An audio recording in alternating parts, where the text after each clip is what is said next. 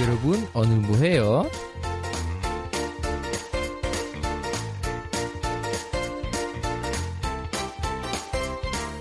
Lagi ngapain nih pendengar? Mendingan kita berbagi cerita di Kepo bersama DJ Lodi. Apa kabar nih Kepo semuanya? Mudah-mudahan semuanya sehat-sehat ya. Dan kalau ada yang kurang sehat, semoga kalian cepat sembuh dan jangan lupa istirahat yang cukup. Seperti biasa, hari ini aku akan bahas tentang topik tren Korea yang pastinya bacain catatan harian dan curhatan dari pendengar. Jadi jangan ke mana-mana ya. Kita baik lagi setelah dengerin lagu dari Zico yang berjudul Amunore atau Any Song.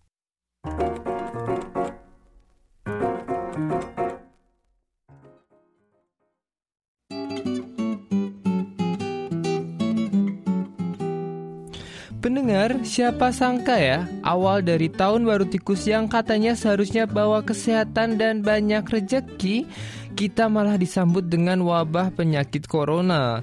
Iya, emang, seminggu ini dunia sedang dihebohkan dengan menyebarnya penyakit pernafasan yang mematikan dari kota Wuhan, Cina ini.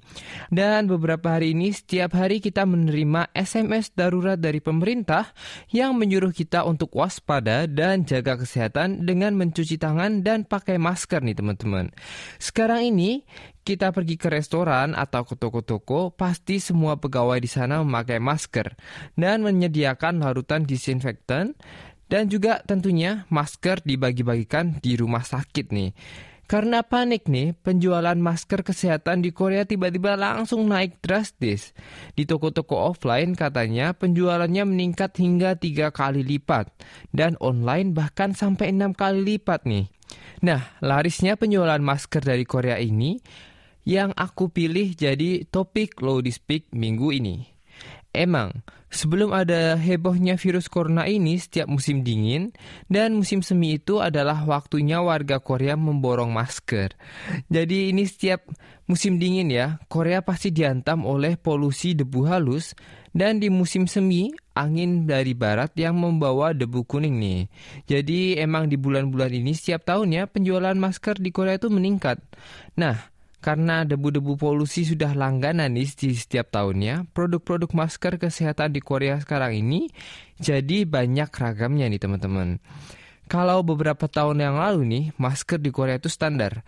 Jadi cuma ada masker kesehatan untuk mencegah flu yang terbuat dari kertas putih atau nggak lain kain putih polos. Terus muncul masker khusus nih buat debu halus dengan filter yang lebih kecil dan ada juga nih yang buat anak-anak dengan motif gambar kartun. Nah, sampailah kita ke tahun ini nih, di mana masker kesehatan itu sudah jadi bagian dari fashion statement juga nih. Mulai dari perusahaan alat kesehatan sampai toko-toko merchandise berlomba-lomba membuat masker yang lebih fashionable. Ada masker dengan berbagai motif yang keren dan lucu, dan juga ada nih yang lebih fungsional buat mencegah virus dan debu halus tapi desainnya lebih chic nih. Nah, dengan warna-warna yang natural seperti kayak beige, ada yang light pink, hitam, coklat, yang juga bisa disocokkan dengan style baju yang kita pakai di hari itu tuh. Nah, Bahkan masker ini pun ya udah jadi item penting para selebriti tentunya seperti yang kalian tahu buat membawa di tempat umum dan menghindar dari serbuan fans nih. Ya pasti tahu kan image yang aku maksud. Aku sendiri sih juga suka nih pakai masker yang warna hitam juga tentunya untuk menghindar dari debu-debu halus yang ada di Korea dan hitam karena nggak cepet kotor nih karena tahu kan kita pakai masker itu di hari-hari biasa yang di mana kita makan, kita beraktivitas dan kalau misalnya maskernya pakai putih itu gampang kotor nih teman-teman. Jadi aku suka yang warna hitam. Nah ternyata bukan hanya orang Korea aja nih yang ngeborong masker teman-teman. Nah, karena kualitas yang bagus, style yang beragam, dan juga harga yang murah, plus menyebarnya virus corona tentunya, Pas liburan Imlek kemarin ini, banyak banget nih para turis terutama dari Cina yang menyerbu apotek dan convenience store buat ngeborong masker dari Korea. Tahu sendiri kan, jumlah turis mancanegara terbanyak di Korea berasal dari Cina.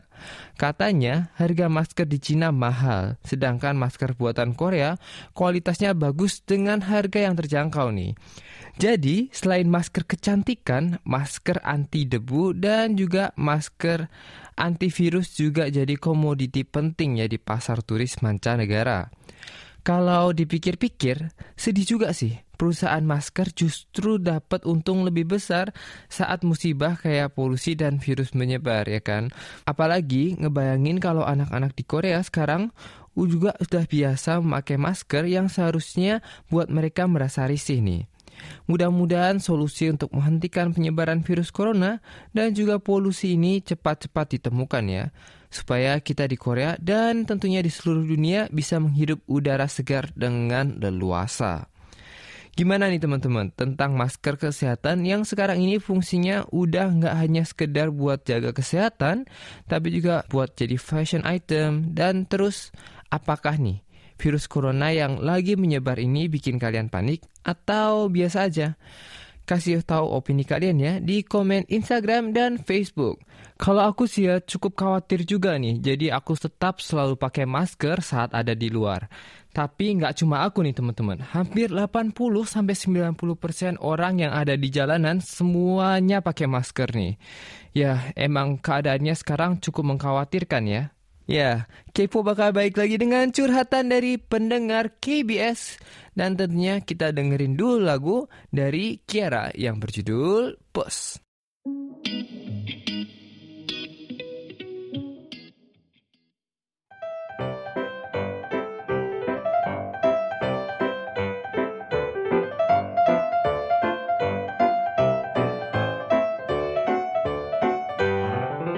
Waktunya buat segmen baper buku harian pendengar. Nah hari ini kita dapat dua baper nih yang lumayan panjang teman-teman. Yang pertama dari Tari Sasa yang lagi naksir seseorang nih. Tapi ada masalahnya. Kita bacain yuk.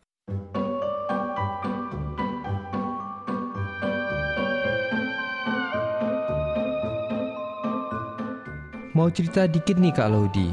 Aku kan udah lumayan lama menjomblo Udah tiga tahun lebih dan sampai sekarang belum dapat penggantinya. Udah pernah sih sempet dapet, ya tapi nggak bener-bener jadi. Cuma lewat bentar karena akunya nggak cocok. Eh sekalinya sekarang dapat udah cocok, udah serak, udah bener-bener pas dan nggak ngebosenin. Kenal awal sih karena diajakin video call gabungan sama temanku. Di Evian itu ada empat kamera, satu aku, dua temanku, satu lagi ada empat cowok dalam satu kamera. Sebut aja A, B, C, dan D. Awalnya aku kaget dong, ngapain aku diajain video call padahal nggak kenal sama cowok itu. Terus ya udahlah, kita ngobrol di video call. Eh, kok seru ya ternyata mereka. Akhirnya aku suka si A, cuma suka loh. Dan save Stefan nomor telepon. Satu persatu dari mereka minta save nomor telepon aku kecuali si A yang aku sukain. Hmm, ya langsung pupus dong harapanku. Tapi ya udahlah, nggak apa-apa. Beberapa hari kemudian, si B bikin story kalau ternyata dia jadi bintang tamu K-pop event. Kebetulan aku juga beli tiketnya. Langsung aku chat dong dia. Ternyata dia bakal nyanyi di event itu. Untung ada satu temenku yang mau aku ajakin. Langsung berangkat deh ke acara. Nah, karena temanku nggak beli tiket, jadi kan nggak boleh masuk. Akhirnya aku memutuskan buat ambil freebiesnya dulu, terus aku ke toilet. Pas aku keluar, eh nggak sengaja nih ketemu si B. Kaget dong aku, ternyata dia ganteng banget. Nah, kita salaman plus ngobrol di depan pintu toilet. Ini tuh posisinya dalam mode pegangan tangan lama. Baper dong akunya, padahal waktu di video call itu dia diem doang, nggak ngomong apa-apa. Makanya itu nggak tertarik ke dia. Eh pas ketemu ternyata enakan dong orangnya. Kembali lagi, karena temanku nggak beli tiket dan nggak boleh masuk akhirnya kita duduk di luar acara. Tapi masih bisa lihat karena acaranya cuma dibatesin sama pembatas tali. Eh ternyata si B itu nunggunya pas di belakang mejaku. Ya jadi aku sama dia senyum-senyuman gitu. Hehe. Terus dia tampil dan aku pulang karena udah sore. Tapi pamit dulu sekalian TPTP alias tebar pesona. Hehehe.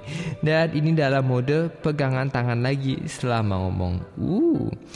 Ya, dan di rumah dianya minta di tag Instagram. Ya udah, akhirnya aku tanyain Instagram dia apaan, terus aku tag. Padahal aku nggak punya foto atau video dia. Cuma ada video aku nyanyi, tapi di backgroundnya ada suara dia. Dia bilang nggak apa-apa, ya udah aku tag aja, tapi aku nggak follow. Ternyata dia follow aku, yeay, dan langsung aku follow back. Dan kita chat lagi. Ternyata cewek yang duduk di sebelahnya tadi bukan ceweknya. Udah suka, udah berharap lebih, udahlah dia yang bener pas. Tapi malamnya dia bikin story lagi di WA. Ternyata diupload foto lagi sembayang di gereja. Jeng jeng, langsung down aku. Ah, kita nggak seiman. Kenapa sekalinya udah bener cocok, ada aja masalahnya. Hmm, akhirnya aku harus maksain buat lupain dia. Kan sakit gitu. Lebih baik dia beneran punya pacar daripada yang gak seiman. Terus aku harus gimana nih kak sekarang? Eh, ceritaku panjang juga ternyata ya kak. Mohon maaf kelepasan. Gini nih, kalau udah curhat jariku berubah jadi mesin ketik. Selamat membaca curhatanku ya kak. Kalau bisa kasih saran buat aku, aku harus ngapain? Hmm,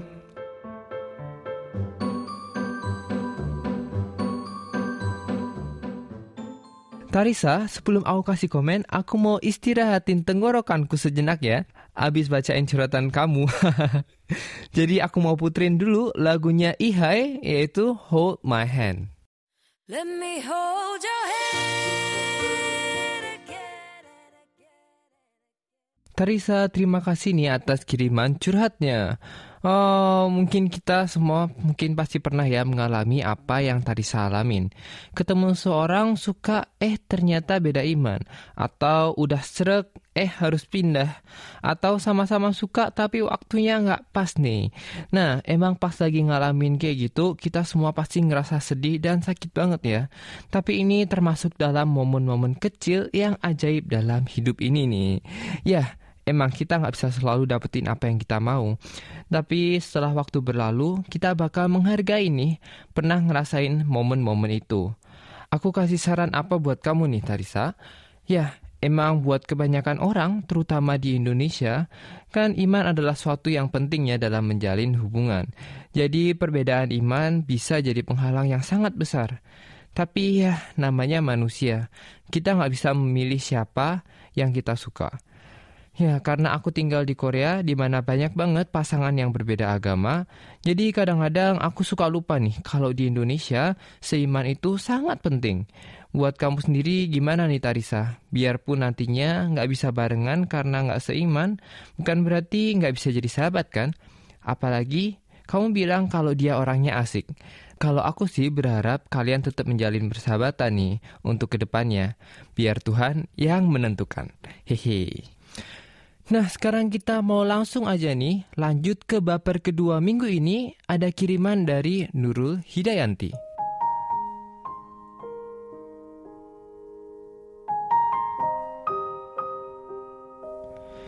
Annyeonghaseyo DJ Lodi, apa kabar? Semoga DJ Lodi dan tim KBS World Radio Indonesia selalu diberkahi kesehatan di tengah maraknya virus corona. Kita juga berdoa semoga teman-teman lain di mana pun mereka berada dalam keadaan baik-baik saja. Perkenalkan, nama saya Nurul. Di baper kali ini, saya ingin bercerita tentang sebuah kejadian yang baru saya alami dan meninggalkan kesan begitu dalam untuk saya.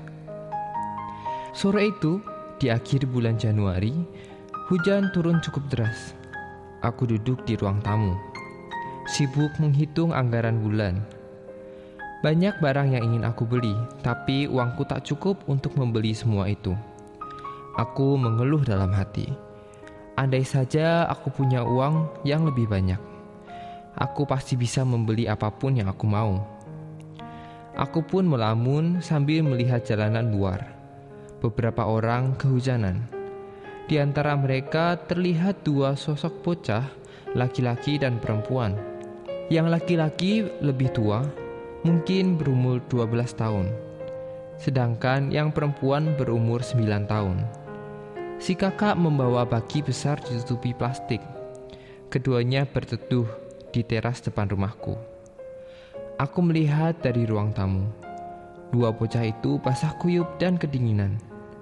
Mereka hanya memakai kaos tipis yang warnanya sudah pudar dan agak kebesaran untuk tubuh mereka yang kurus. Karena kasihan, jadi aku keluar dan menyuruh mereka masuk ke dalam. Awalnya mereka menolak karena takut lantai rumahku basah. Tapi aku mengatakan tidak apa-apa. Dan akhirnya mereka mau masuk ke dalam. Si kakak mengelap plastik yang basah yang menutupi baki yang ia bawa. Aku tanya apa isinya. Ternyata isinya adalah macam-macam gorengan. Dua kakak beradik ini setiap pulang sekolah akan berkeliling untuk menjual gorengan yang dibuat oleh ibu mereka. Di saat anak lain seumuran mereka asik bermain game di rumah, dua bocah itu harus berjalan kaki untuk berjualan. Tidak peduli panas atau hujan, mereka sudah harus mencari nafkah untuk membantu keluarga. Setelah hujan reda, mereka pamit pulang dan mengucapkan terima kasih. Aku melihat dua anak ini berjalan bergandengan meninggalkan rumah.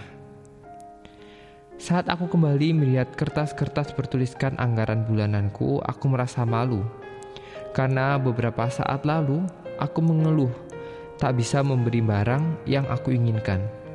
Padahal aku masih bisa makan enak, masih bisa tidur nyenyak tanpa kehujanan ataupun kepanasan. Masih bisa bersenang-senang, punya pekerjaan tetap. Sementara di luar sana, banyak orang tidak seberuntung aku, tapi mereka tidak menyerah untuk berusaha dan terus bersyukur dengan apa yang mereka punya. Dari dua bocah penjual gorengan itu aku disadarkan bahwa hidup yang aku jalani sekarang bisa jadi adalah hidup yang diidamkan oleh orang lain. Sekian dahulu baper saya kali ini. Maaf jika terlalu panjang. Tapi saya yakin DJ Lodi bisa membawakan email saya dengan sangat baik. From Indonesia with love.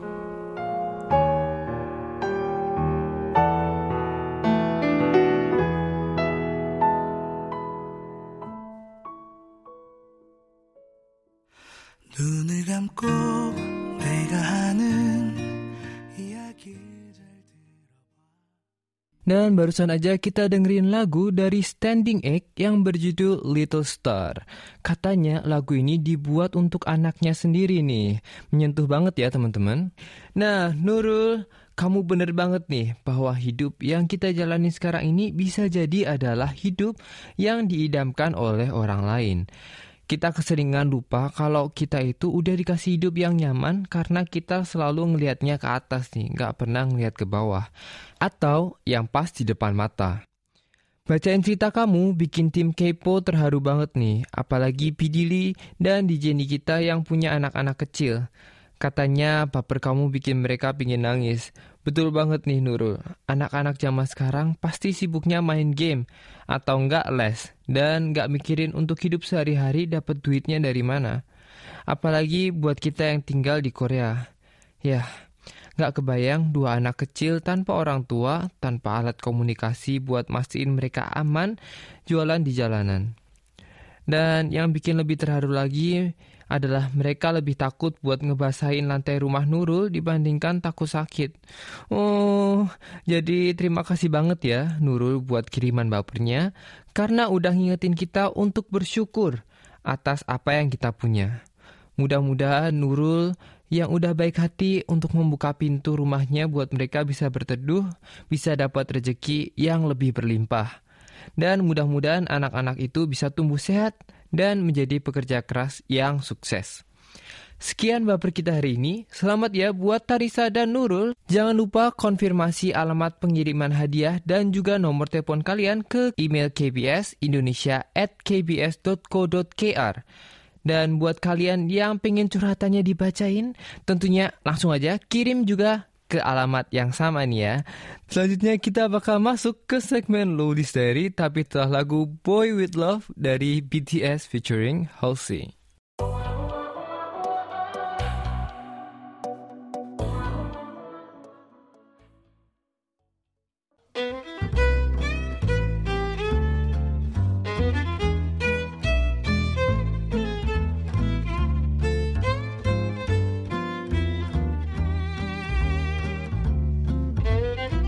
Dear Diary Akhir minggu yang biasanya aku tunggu untuk kali ini ingin sedikit aku tunda. Ya, hari-hari ini cuaca sudah mulai menghangat kembali. Tidak ada lagi suhu minus dan terutama tidak ada satu hal yang paling aku tunggu di setiap musim dingin. Salju. Musim dingin ini tampak sudah mulai berakhir. Padahal belum turun salju lebat seperti yang aku nantikan setiap tahunnya aku pun kembali teringat di masa di mana aku masih sekolah.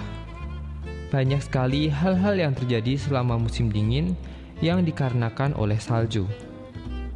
Ada di satu hari di mana turun salju yang sangat lebat dan aku agak ragu-ragu. Haruskah aku pergi ke sekolah atau tidak?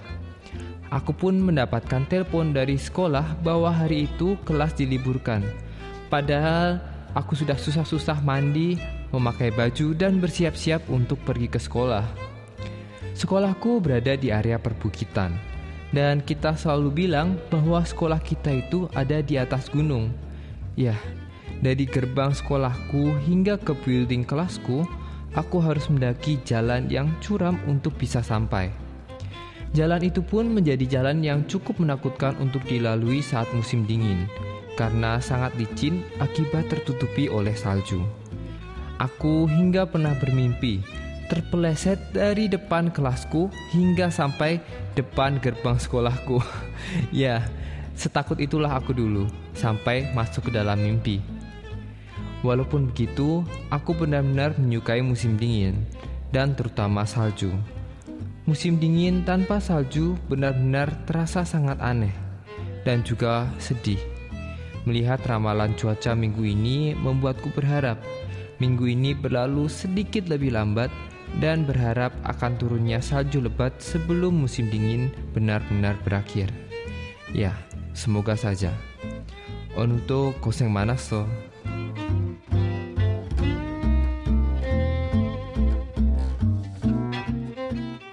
Nah, sekian dari aku untuk hari ini dan ngomongin soal salju nih, aku mau puterin lagu dari Ailey yang berjudul Chorum Doege Kageta atau I Will Go To You Like The First Snow.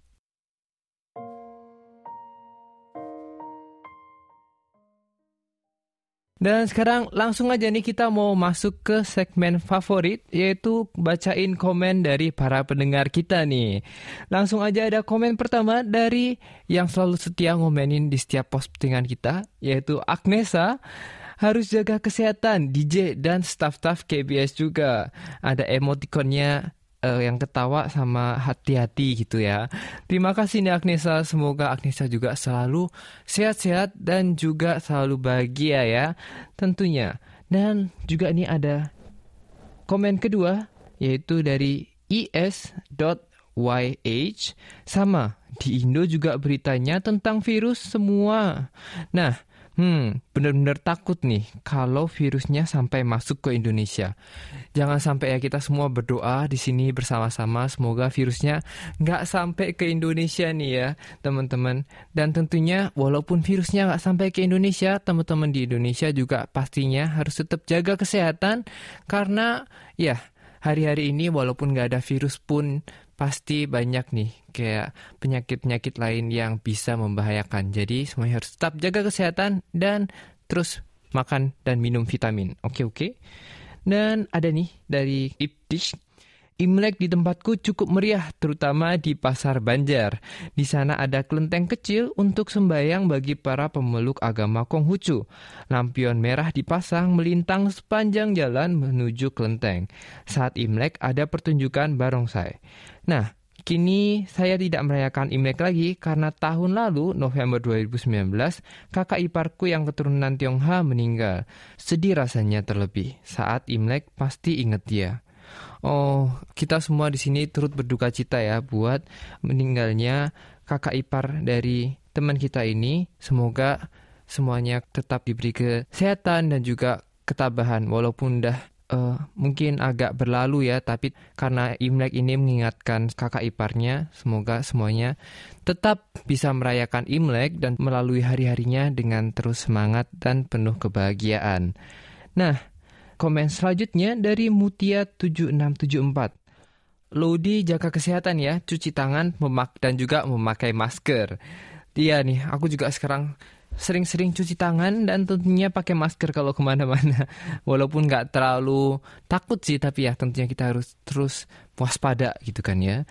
Ada dari Winnie underscore YK di berita virusnya sudah menyebar ke Korea Selatan dan beberapa negara di Amerika seperti Kanada dan US. Tetap jaga kebersihan dan kesehatan DJ dan para staf KBS Indonesia. Ya nih, sekarang virusnya sudah mulai merambah ke mana-mana. Tapi seperti yang tadi kita udah bilang, semoga nggak sampai ke Indonesia ya. Amin. Terima kasih nih atas doanya. Semoga kita di sini semua bisa terus sehat-sehat selalu tanpa terjangkit virus gitu kan ya. Ya, terima kasih banyak banget buat para komentar di sosial media KBS. Jangan lupa buat tinggalin komen kalian tentang topik kita hari ini atau topik-topik lain apa nih tentang Korea yang bikin kalian penasaran. Aku tunggu ya komennya.